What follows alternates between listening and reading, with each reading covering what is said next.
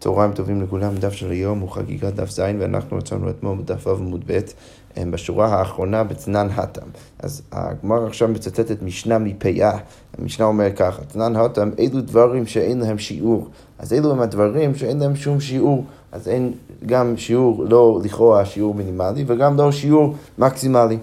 הפאה והביקורים והראיון וגמילות חסדים ותלמוד תורה. אז הפאה והביקורים, הפאה זה משהו שבן אדם צריך להשאיר איזושהי פינה בשדה שלו לעניים, ללכת, אה, לבוא לשדה שלו ולקחת משם אוכל. עכשיו אין לזה שיעור, הוא יכול להשאיר אה, כמה שבא לו, אפילו הדבר הכי קטן, או הדבר הכי הכי גדול, וזה בסדר גמור. למרות ששוב, לגבי כל הדינים האלו, אז כמובן החכמים באים ונותנים לזה כל מיני שיעורים מדי רבנן, אבל מדאורייתא אין לדברים האלו שיעור. והביקורים גם כן, בן אדם יכול פשוט להביא כמה שיותר או כמה שפחות ביקורים לבית המקדש. הראיון, שזה יהיה... רלוונטי לענייננו, שכרגע לא ברור אם מדובר רק על הראייה שצריך לבוא אה, אה, ממש להיות בבית המקדש ברגל, או, או גם כן על הקורבן, וגמילות חסדים ותלמוד תורה.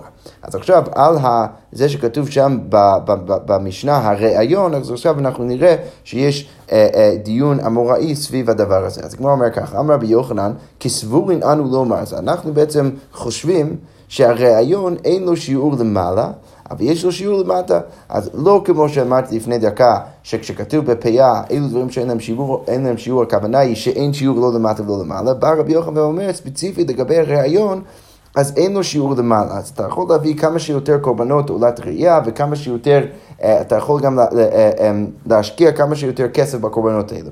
אבל יש לו שיעור למטה, אז ככה אנחנו חשבנו. למה חשבנו שיש לו שיעור למטה?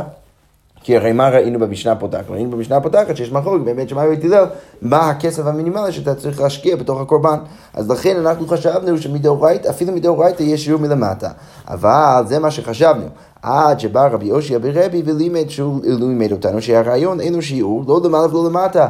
אה, זה שיש מחלוקת בין בית שמאי ובית הלל במשנה לגבי השיעור המינימלי של, של הכסף שאתה צריך להשקיע בדבר הזה, זה רק מדרבנן, אבל חכמים אומרים, הראייה מה הכסף, החגיגה שתי כסף, שזה כמובן דעת בית הלל, אבל בכל זאת גם דעת בית שמאי, זה רק איזושהי מין תקנה מדי רבנן לבוא ולהגדיר את הסכום המינימלי שבן אדם צריך לה, לה, להשקיע בקורבנות האלו, אבל מדאורייתא אין שיעור אפילו אה, מלמטה.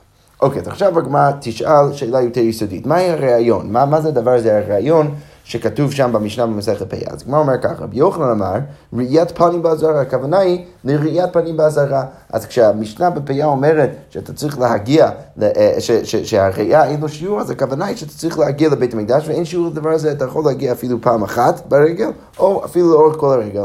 וריש לקיש אמר ראיית פנים בקורבן, וריש לקיש בא ואומר שמדובר על ראיית פנים בקורבן, ש, ש, ש, שהמשנה בפיה אומרת שאין שום שיעור, אז הכוונה היא שאין שיעור לקורבן שאתה צריך להביא. אתה יכול להביא כמה שיותר קורבנות וכמה שפחות קורבנות. אוקיי, okay, ועכשיו אנחנו נפרט את המחלוקת, ואנחנו נראה גם בהמשך הגמרא, אנחנו נשנה קצת את ההבנה שלנו, אז בואו רק uh, נראה כאן את השחר וטריה. אז הגמרא אומר ככה, בעיקר הרגע כולי עמי לא פליגי דרכיית פנים בקורבן, אז בעיקר הרגל, מה הכוונה עיקר הרגל? הכוונה בעיקר הרגל זה היום הראשון של הרגל. אז, אז ביום טוב ראשון, כולם מסכימים, אפילו רבי יוחנן דראיית פנים בקורבן, שכשאתה מגיע לבית המקדש אתה צריך להגיע עם קורבן, זה החובה של עולת ראייה.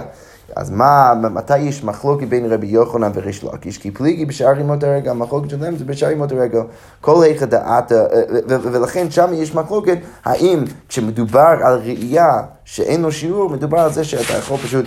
להגיע אה, ולא להביא קורבן בכלל, ולדבר הזה אין שיעור, כמו שאומר רבי יוחנן, או לחלופין, לשיטת ריש לקיש, שאתה צריך ש, שאין שיעור לקורבנות שאתה יכול להביא בהמשך. עכשיו, עדיין, עם, ההסבר הזה לא ברור עד הסוף מה בדיוק נקודת המחלוקת. אז הגמרא אומר ככה, כל היכא דעתה והייתי כולי עמא לא פליגי דמקבלין אמיני. אם בן אדם מגיע אפילו בהמשך הרגע בשעה ימות הרגע ומביא עוד קורבנות עולת, אה, עולת ראייה איתו, אז כולם מסכימים, אין מחלוקת בזה שמקבלים את הקורבן ממנו, אין דבר כזה אה, בן אדם שיכול להביא יותר מדי קורבנות. לא, אם מדובר על קורבן, עולת ראייה, אתה יכול להביא כמה שיותר, זה לא משנה, בזה אין מחלוקת. מה המחלוקת? כי פליגי דעתה ולא הייתי. אז המחלוקת זה במקרה שהוא מגיע והוא לא מביא עוד קורבן. אז מה, מה בעצם המחלוקת? רבי יוחנן צו ראיית פנים באזהרה דכל אימת דעתי לא צריך להטויה.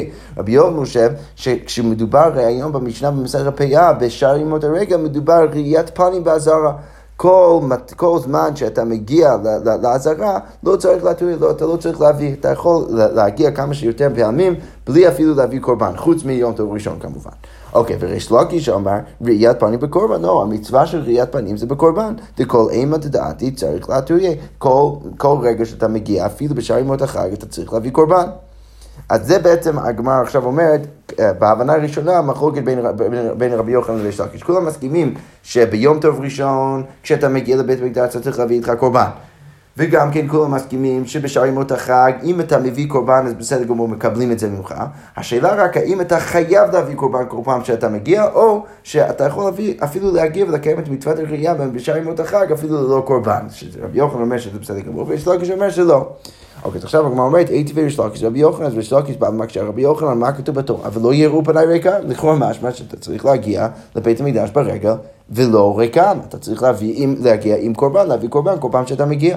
אז הגמרא אומרת, אמר לי רבי יוחנן בא ואומר, זה מאוד קל לתרץ, בעיקר רגל, בסדר, הפסוק הזה מדבר על עיקר הרגל, יום טוב ראשון, ששם, ששם אני מסכים באמת שצריך להביא קורבן, אבל בהמשך הרגל זה לא נכון. אוקיי, הייתי ו... ועכשיו זה, אנחנו נראה קושייה מאוד מאוד דומה, אבל רק דרך ברייתא. אז כתוב בברייתא, ולא יראו פניי ריקם. אז מה הדרשה לפסוק? בזבחים, שאתה, מה, מה הכוונה שאתה לא יכול להגיע ריקם לבית המקדש, מה אתה צריך להביא איתך? אתה צריך להביא יחד איתך זבחים. אוקיי, אתה אומר זבחים או אינו אלא באופן ומנחל. אה, אולי אתה, אולי אתה תרצה להגיד שהכוונה היא לא לזבחים בהכרח, אלא אפילו לעופות ומנחות, סוגים שונים של קורבנות. ודינו, אבל הגמרא אומרת, לא, זה לא הגיוני. נאמרה חגיגה להדיו ונאמרה ראייה לגבוה. אתה צריך להביא חגיגה לעצמך, כדי שאתה תוכל לאכול את החגיגה הזאת בתור שלמים, ונאמר ראייה לגבוה, ונאמר גם כן שצריך להביא עולת ראייה לקודש ברוך הוא. מה החגיגה האמור להדיו טווחים, כמו שהקורבן שאתה מביא לעצמך זה זבחים, זה שלמים, זה בהמה, אז אף ראייה האמורה לגבוה זבחים, ולכן אני מבין שהעולת ראייה צריכה להיות בהמה. ומה הם זבחים? עולות, ולכן אני יכול להבין שמה שאתה צריך להביא לקודש ברוך הוא זה בעצם בהמה שזה קורבן עולה. אבל הגמרא אומרת, אתה אומר עולות או אינו אלה שלמים, אולי מה שאתה צריך בעצם להביא זה רק שלמים, שאתה בעצם מקריב שלמים, אתה מביא שלמים, אתה אוכל חלק, אתה מקריב ומקטיר חלק על גבי המזבח, ודרך זה כל אחד אוכל, גם אתה אוכל, גם הקודש ברוך הוא אוכל. אז הגמרא אומרת, לא, אי אפשר להגיד את זה. ודינו, נאמר חגיגה להדיו ונאמר ראייה לגבוה. כתוב אה, חגיגה להדיו וכתוב גם כן ראייה לגבוה. מה החגיגה האמורה להדיות בראוי לו? כמו שהחגיגה שאתה מביא לעצמך זה צריך להיות משהו שראוי רק לעצמך, רק דבר שאתה אוכל בעצמך. אז אף ראייה האמורה לגבוה בראוי לו צריך להיות משהו שהוא מכובד לקודש ברוך הוא, להקריב על גבי המזבח ככה, שיהיה לקודש ברוך הוא ארוחה שלמה מהקורבן שלך. וכן בדין, והגמרא גם אומרת, זה גם הגיוני. למה שלא יהיה שולחנך מלא ושולחן רבך ריקם? לא הגיוני שאתה תהיה עם שולחן מלא בשר מהקורבנות שלמים שאתה מביא, והשולחן של הקדוש ברוך הוא יהיה ריקם. ולכן ודאי שאתה צריך גם כן אה, להביא קורבן שלמים וגם קורבן עולה לקדוש ברוך הוא, וברור שצריך להיות זבח. עכשיו, לאורך כל זה מה אנחנו רואים? שבן אדם שמגיע לבית מקדש ברגע צריך להביא איתו עולת ראייה, לכאורה משמע כמו ריש לקיש ולא כמו רבי יוחנן. אז הגמרא אומרת שוב, אמר לי, בעיקר הרגל בסדר, זה לא קשה, מה אני יכול להגיד? אני יכול להגיד שמדובר על עיקר הרגל, בעיקר הרגל אין חינמי, אני מסכים איתך שצריך להביא איתך אה, קורבן עולת ראייה, אבל בשערים עוד רגל, שם אני חולק ואני אומר שאתה יכול להגיע אפילו בלי להביא קורבן. אוקיי, הייתי והגמרא אומרת, כתוב בברייתא רבי יוסי ויהודה אומר, מה הוא אומר? שלוש רגלים בשנה נצטוו ישראל לעלות ברגל, יש שלושה פעמים בשנה שצריך להגיע לעלות ברגל, בחג המצו, בחג השבוע ובחג הסוכות. ואין נראים חצאים משום שנאמר כל זכור אחד. טוב, את האמירה הזאת אנחנו עוד נדון בה ונראה מה, מה, מה, מה בעצם היא אומרת. אבל ממשיכה הביתה ואומרת, ואין נראים ריקנים, משום שנאמר, ולא יראו פניו ריקם, אתה לא, לא, אתה לא יכול להגיע בלי כלום, אתה צריך להביא איתך קורבן. אז שוב, משמע כמו רבי יוחנן, כמו ריש לקיש, ולא כמו רבי יוחנן. אבל שוב, רבי יוחנן אומר, אמר לי, בעיקר רגל, בסדר, אין הכי נמי, מדובר על עיקר רגל, גם שם אני מסכים שצריך להביא קורבן, המחלוקת שלנו זה רק לגבי שאר ימות הרגל. אוקיי, עכשיו הגמרא אומרת, הייתי ורבי יוחנן וריש לקיש, עכשיו רבי יוחנן פתאום מקשה ריש לקיש, מה כתוב בתורה? ייראה. אבל כבר ראינו שיש... בעצם בגלל שכתוב יראה, אתה יכול בעצם להבין את המילה הזאת בשני אופנים. אתה יכול להבין את זה ייראה, שאתה מגיע והקדוש ברוך הוא רואה אותך, ואתה יכול להבין גם כן שאתה רואה, יראה. אז, אז יש בעצם הקבלה בין מה שאתה רואה לבין מה שהקדוש ברוך הוא רואה. אז מה הדרשה כאן? מה אני בחינם? אף אתם בחינם, כמו שכשהקדוש ברוך הוא מסתכל עליך ורואה אותך, אז הקדוש ברוך הוא כביכול מגיע ללא כלום, הוא מגיע חינם, הוא לא מביא קורבן. אז גם אתה, אם אתה רוצה, אתה יכול להגיע לקדוש ברוך הוא ולראות את הקדוש ברוך הוא ריקם לבית המקדש, אפילו ללא קורבן. ושוב, כמובן שרבי יוחנן יעמיד את הברייתא הזאת בשער ימות הרגע ולא ביום הראשון, ובכל זאת יוצא קושייה ריש לקיש. איך ריש לקיש יכול, יכול להגיד שבכל יום ויום לאורך הרגע אתה צריך להביא קורבן, אם הנה כאן כתוב במפורש לכאורה בימי הדרשה הזאת, שיש פעמים שאתה יכול להגיע, להגיע לקדוש ברוך הוא ללא קורבן. אז כמו אומרת, באמת אין הכי נמי זה באמת קושייה, וצריך עכשיו להבין מחדש את המחלוקת בין רבי יוחנן וריש לקיש. אז הגמרא אומרת ככה, לא, אלא כל היכא דעתיו לא הייתי דגולי עמלו פליגי דאיל מתחזי ונפי כי פליגי דעתיו והייתי. אז המחלוקת, סליחה, במקרה כל היכא דעתיו לא הייתי, במקרה שהוא מגיע ולא מביא איתו קורבן, כולי עמלו פליגי דאיל מתחזי ונפי, כשהוא יכול להיכנס לעזרה. ולראות את הקדוש ברוך הוא, או כביכול, ולא להביא קורבן, וזה בסדר גמור. זה, וכמו שראינו עכשיו בברייתא, זה לא מחלוקת. מה המחלוקת? כי פליגי דעת והייתי מחלוקת זה אם הוא יכול להביא בכלל. רבי יוחנן אמר אי את פנים בעזר, אי את פנים הוא דאין לה שיעור, לקורבן יש לה שיעור. אז רבי יוחנן בא ואומר, מה, איך אני הבנתי את המשנה במסכת פאה? שמדובר על ראיית פנים בעזרה, אז דווקא על ראיית פנים הוא דאין לה שיעור, זה דווקא הדבר שאין לו שיעור, אבל לקורבן יש שיעור, אבל בקורבן יש שיעור, אתה מביא פעם אחת ולא יותר מזה, ברגע שאתה מביא יותר אז אתה כבר עובר, אבל תוסיף. אבל ריש לקיש אמר, ראיית פני בקורבן, אפילו קורבן נמי, אין לו שיעור. אז בעצם, עכשיו אנחנו הפכנו את המחלוקת. אנחנו אמרנו, במקום שהמחלוקת תהיה במקרה ש, אה, שאר ימות החג, אם אתה חייב להביא קורבן, ששם אמרנו שריש לקיש אומר שאתה חייב, רבי יוחנן אומר שלא, כאן זה הפוך. כולם מסכימים שאתה לא חייב, אם אתה מגיע ללא קורבן זה בסדר גמור. שאלה רק אם אתה מביא, האם אתה יכול להביא קורבן. יש לקיש אומר שכן, בגלל שלקורבן עולת ראייה אין לו שיעור כמו שמופיע במסכת פאה, וככה הוא מפרש את הביטוי ראיון, ורבי יוחנן בא ואומר לא, ברגע, מדובר בפאה על, על, על ראיית פנים ולא על ראיית קורבן, ולכן זה דווקא ראיית פנים שאין לו שיעור, אבל ראיית קורבן יש לו שיעור ואתה לא יכול להביא יותר מאחד. אוקיי, אי טבעי, אז עכשיו הגמרא אומרת שרבי יוחנן מקשה ריש לקיש. מה כתוב בספר משלי? כתוב, הוקר רגלך מבית רעיך. אז, אז, אז, אז לכאורה משמע שאתה לא, לא אמור להגיע יותר מדי לבית המקדש. מה הכוונה? אתה לא אמור להגיע יותר מדי עם יותר מדי קורבנות. אז בעצם רבי יוחנן בא ולומד מהפסוק הזה, אתה לא אמור להביא יותר מדי קורבנות. אתה לא יכול להביא יותר מעולת ראייה אחת. יש איזושהי הגבלה לפעמים שאתה יכול להביא קורבנות. אבל הגמרא אומרת, לא, הטם בחטאות והאשמות, לא, אתה יכול לדחות את הקושייה ולהגיד שמדובר שם בחטאות והאשמות, בן אדם לא אמור להביא יותר מדי חטאות והאשמות לבית המקדש, במיוחד אם הוא לא חייב. אבל אם, אבל לגבי עולת ראייה אתה יכול להביא כמה שיותר. והגמרא אומר כדי רבי לוי אפשר גם כן להביא ככה כמו שרבי לוי אמר. רבי לוי רמי, שרבי לוי הביא קושייה בין פסוקים או סתירה בין פסוקים. כתיב מצד אחד במשלי בפסוק שציטטנו עכשיו הוגה רגלך מבית ראייך, אתה לא אמור להגיע, יותר מדי, הוא כתיב, אבל מצד שני כתוב בתהילים אבוא ביתך בעולות, שבן אדם יגיע לבית המקדש כמה שיותר וזה מעולה. אז הגמרא אומרת לא כאשר כאן בחטא והשמו כאן בעולות ושלמים. ולכן אפשר להבין בדיוק כמו שתירצנו למעלה לריש ש... ש, שמדובר על איזושהי הגבלה של קורבנות, זה מדובר בהקשר של חטאות ושלמים. אבל לגבי, אה, סליחה, חטאות והאשמות, אבל לגבי עולות ושלמים, אין לדבר הזה גבול, ולכן אה, לפי ריש לקיש אתה יכול להביא איתך קורבן אה, כמה שיותר עולות ראייה, אפילו, אפילו הרבה לאורך כל החג. אוקיי, והגמרא אומרת, תנין המערכת כתוב גם כן ככה בברייתא, הוקר רגלך מבית רעייך בחטאו והשמות הכתוב מדבר, אז הברייתא כאן אומרת שהפסוק מדבר ספציפי על חטאות והאשמות. אתה אומר חטאות והאשמות ואינו אלא בעולות ושלמים. אה, אולי אתה רוצה להגיד שמדובר גם כן עולות ושלמים. כשהוא אומר, אבוא ביתך בעולות, אשלם לך נדרי, כשכתוב ככה, הפסוק שציטטנו, הפסוק השני ציטטנו מתהילים, אז מה אני מבין מהפסוק הזה? הרי עולות ושלמים אמרו, שמה? שאני יכול להביא כמה שיותר.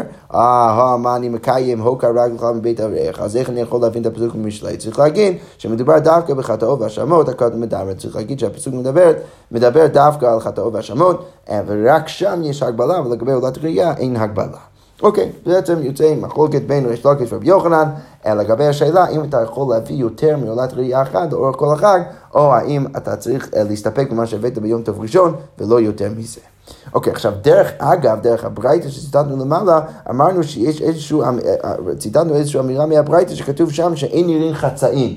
אז עכשיו הגמרא תתלבט מה, מה, מה בדיוק הכוונה. אז הגמרא אומר ככה, סבר רב יוסף למימר, אז רב יוסף רוצה להגיד, מה הכוונה אין נראים חצאים? מה דאית לי עשרה בנים, לא לזכו העדנה חמישה ולמחר חמישה, אתה לא אמור להביא חמישה בנים היום וחמישה בנים מחר, לא, אלא אתה צריך להביא את כולם בבת אחת. וזה הכוונה שאין נרין חצאין. הגמרא אומרת, אמר לי אביי, זה אתה צריך דרשה מפסוק וברייתא להגיד לך את זה, זה פשיטא. למה? היי מניו משבת לו פושים, והי מניו משבת לו זריזים, אבל ברור שבן אדם לא אמור לעשות את זה, למה? כי הוא בעצם הופך את חלק מהילדים שלו להיות זריזים שמקדימים למצוות, וחלק מהם הוא, הוא, הוא הופך להיות אנשים ש, שהם, שהם סוג של פושעים, שלא זריזים מקדימים למצוות. את ודאי, שאתה, ודאי שבן אדם לא אמור לעשות את זה, לא צריך איזה פסוק ללמד אותי את זה, אלא קרא למעט, אז מה, מה הפסוק כן מלמד אותי? מה בעצם אני אומר שהכוונה של הברייתא שכתוב אין ימין חצאין, אז הגמרא אומרת לכדאחרים, צריך להגיד שזה כמו שיטת האחרים. דתניא, האחרים אומרים, זו שיטה שכבר ראינו, שהמקמץ ומצרב נחושת והבורסי, המקמץ זה בן אדם שמתעסק בצורה של כלבים, מצרב נחושת, ובן אדם שמתעסק בנחושת, והבורסי שמאבד את האורות, אז כל האנשים האלו יש להם איזשהו ריח רע. אז אחרים לכן אומרים פטורים מן הראייה. מאיפה אנחנו יודעים שהם פטורים מן הראייה? שנאמר כל זכורך, מי שיכול לעלות עם כל זכורך, רק בן אדם שיכול לעלות יחד עם כולם, וכולם רוצים להיות איתו. יצאו אלו שאין יכולים, יכולים לעלות עם כל זכורך. אז, אז זה ממעט את האנשים האלו שהם לא יכולים לעלות עם כל זכורך. עכשיו, לכאורה משמע משיטת אחרים שהאנשים האלו פטורים לגמרי, אבל רש"י לא ככה רוצה לפרש. למה? כי לפי הגמרא, יוצא ששיטת האחרים זה בעצם ההסבר לביטוי, אין, אה, לביטוי שראינו בברייתא שאין נראים חצאין. אז לכאורה משמע שלמרות שנשמע משיטת האחרים שהם פטורים לגמרי, צריך להבין שבעצם הכוונה היא שהם פטורים מלבוא יחד עם שאר האנשים, אבל בכל זאת הם צריכים לעשות איזושהי מין קבוצה לעצמם וגם כן להגיע. ככה כותב רש"י. היינו נמי אין נראים לחצאין. דמי שאינו ראוי לעלות אלא בחבורה מועטת כגון אלו שיעשו חבורה לעצמן. כך נראה בעיניי. ואז רש"י מציע איזשהו פירוש אחר, מאוד מעניין.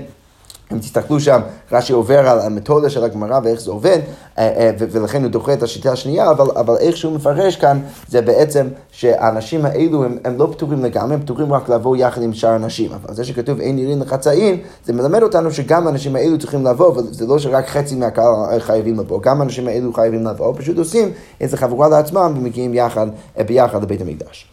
אוקיי, עכשיו אנחנו נמשיך למשנה הבאה, המשנה אומר ככה, עולות במועד באות מן החולין, והשלמים מן המייס. אז עכשיו אנחנו בעצם פותחים אה, אה, שאלה חדשה לגמרי, והשאלה היא ככה, השאלה היא, מה קורה בקורבנות שאני מביא אה, לבית המקדש לאורך הרגע, האם אני יכול להביא את הקורבנות האלו ולצאת ידי חובתי עם כסף שהוא לא כסף של חולין.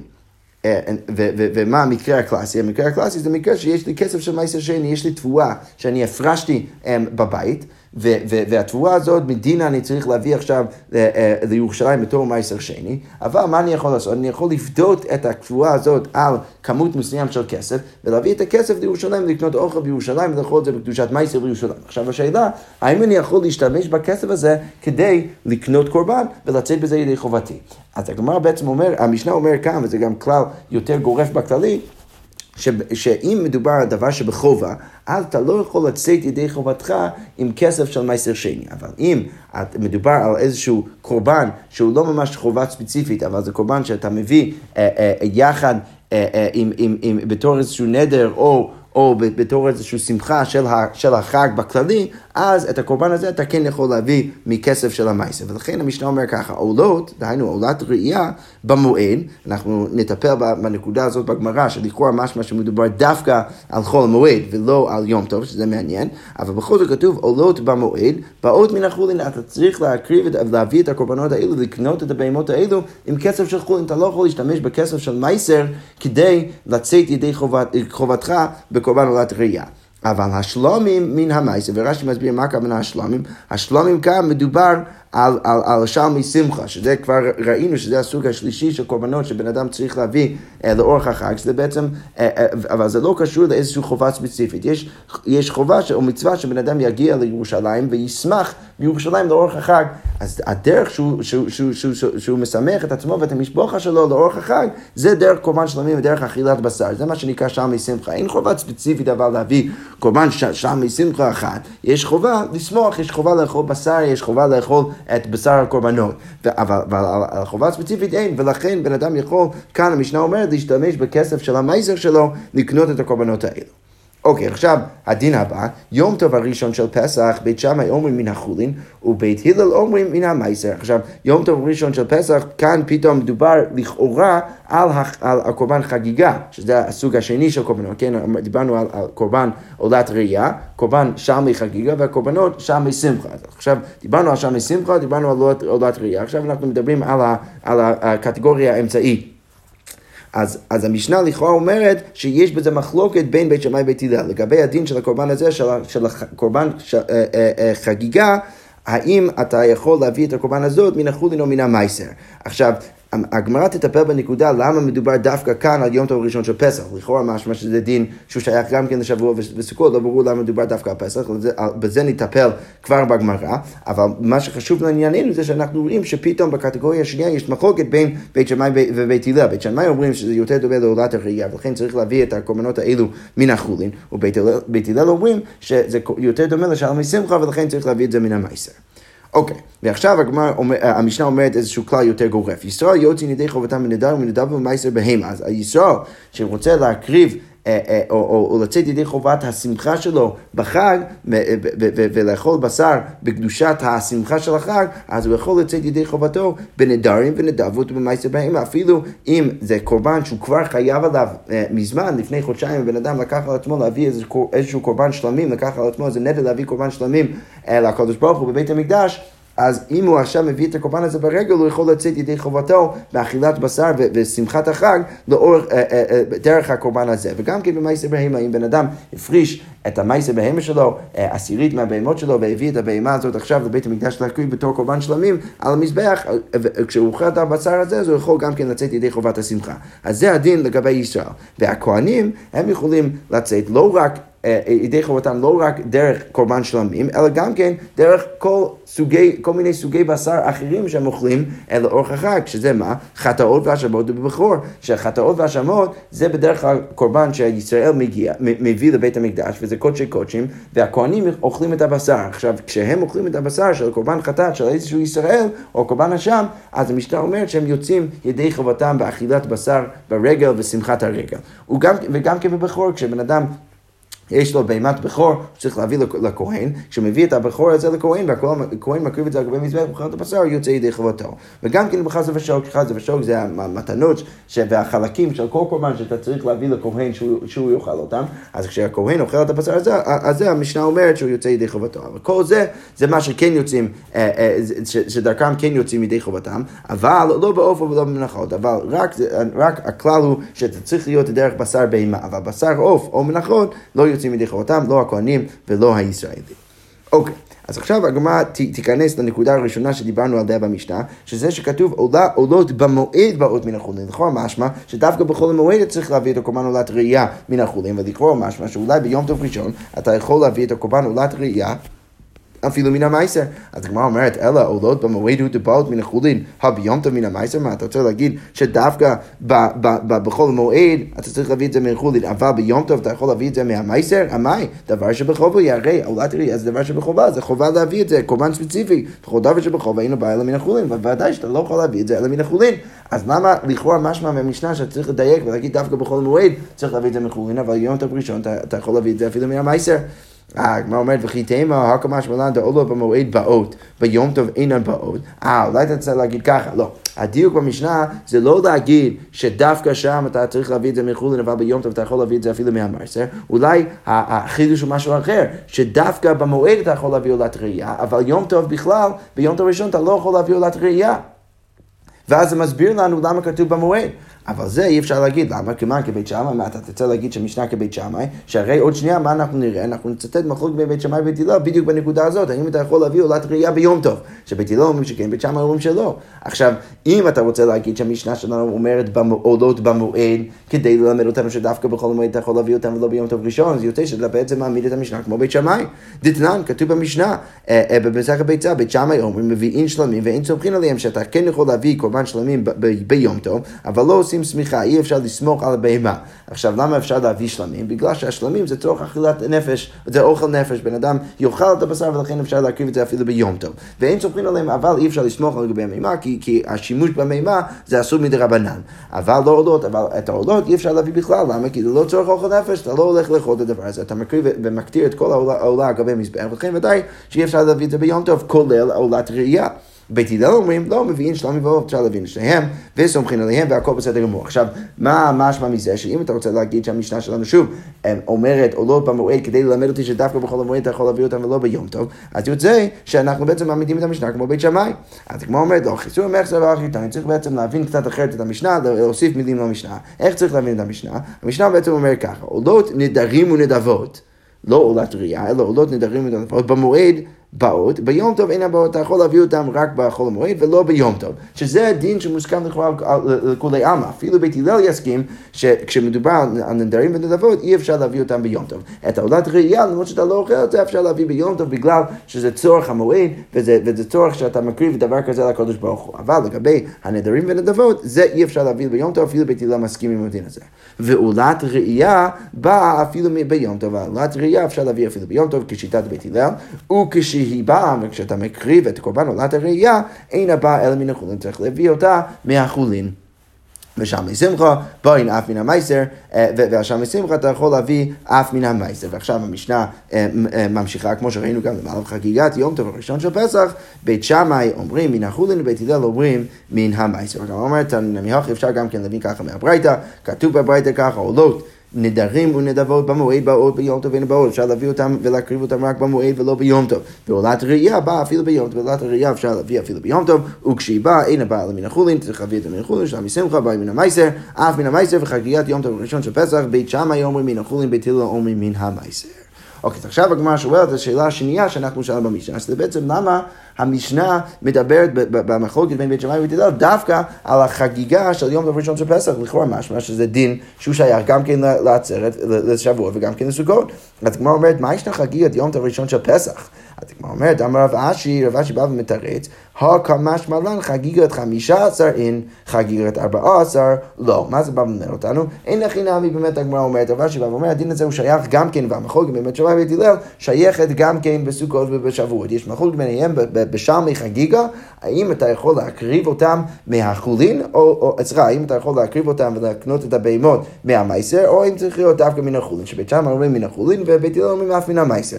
אבל למה אז דיברנו ספציפית על פסח? דיברנו ספציפית על פסח כי בפסח יש עוד קורבן חגיגה שאתה צריך להקריב בי"ד בניסן. שרש"י מסביר שכתוב במסכת פסחים ש...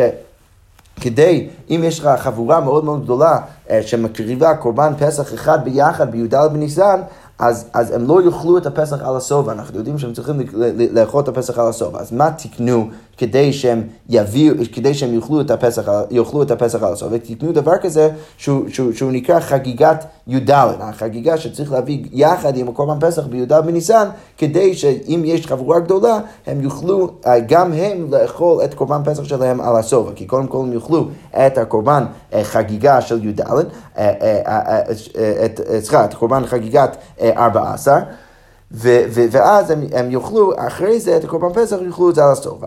אז רב אשי בא ומסביר לנו שהמשנה שמדברת דווקא על פסח, היא באה, בגלל, היא מדברת על פסח דווקא כדי ללמד אותנו דין ספציפי בפסח. למה? כי בפסח, בגלל שיש את הקורבן הנוסף הזה של חגיגת 14, הייתי חושב שהדין שלו הוא בדיוק כמו הדין של החגיגת 15.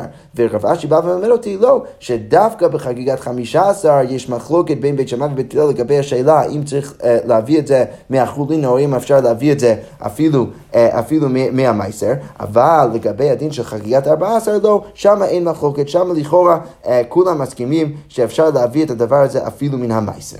אז, אז, אז, אז ככה בעצם יוצא ש...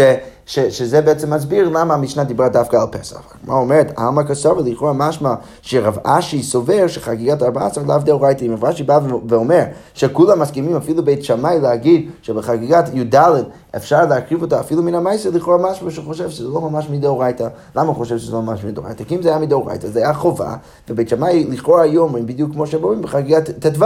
כמו שהם אומרים בחגיגת ט"ו צריך להביא את זה מהחולים ולא מן המייסר, אז היו אומרים אותו דבר גם כן לגבי חגיגת י"ד. כנראה, וזה זה שבית שמאי מודיע בבית הלל בדין חגיגת י"ד, כנראה שהם סופרים שזה לא מדאורייתא אלא מדרבנן, ולכן ברגע שזה מדרבנן, אפשר להקריב את זה אפילו מן המייסר. עכשיו, אנחנו לא טיפלנו בשאלה איך להסביר את שיטת בית הלל, לכאורה זה קצת קשה, למה? כי בית הלל אומרים שבחגיגת ט"ו, שלכאורה חובה, אפשר להביא אפילו מן המייסר, זה לכאורה משהו, שזו שיטה מאוד מוזרה. אז, אז על השאלה הזאת אנחנו נטפל מחר, אבל, אבל כרגע אנחנו רק הסברנו למה א' כל המשנה אה, פותחת ואומרת עולות במועד, ולכאורה דווקא אה, משמע משם שזה קצת מוזר, שזה דווקא במועד אתה יכול, אתה צריך להביא את זה מנחול אבל ביום אתה לכאורה משמע שאפשר להביא את זה מה, אה, מהמייסר, שזה בשאלה הזאת טיפלנו, ועכשיו אנחנו טיפלנו בשאלה למה כתוב בהמשך המשנה שיש מחלוקת בין בית שמאי ובית הלל דווקא לגבי חגיגת ט"ו של פסח. לכאורה משמע שהיינו צריכים להגיד איזושהי מחלוקת יותר כללית לגבי כל שאר הרגלים, גם כן לגבי סוכות ולגבי שבועות,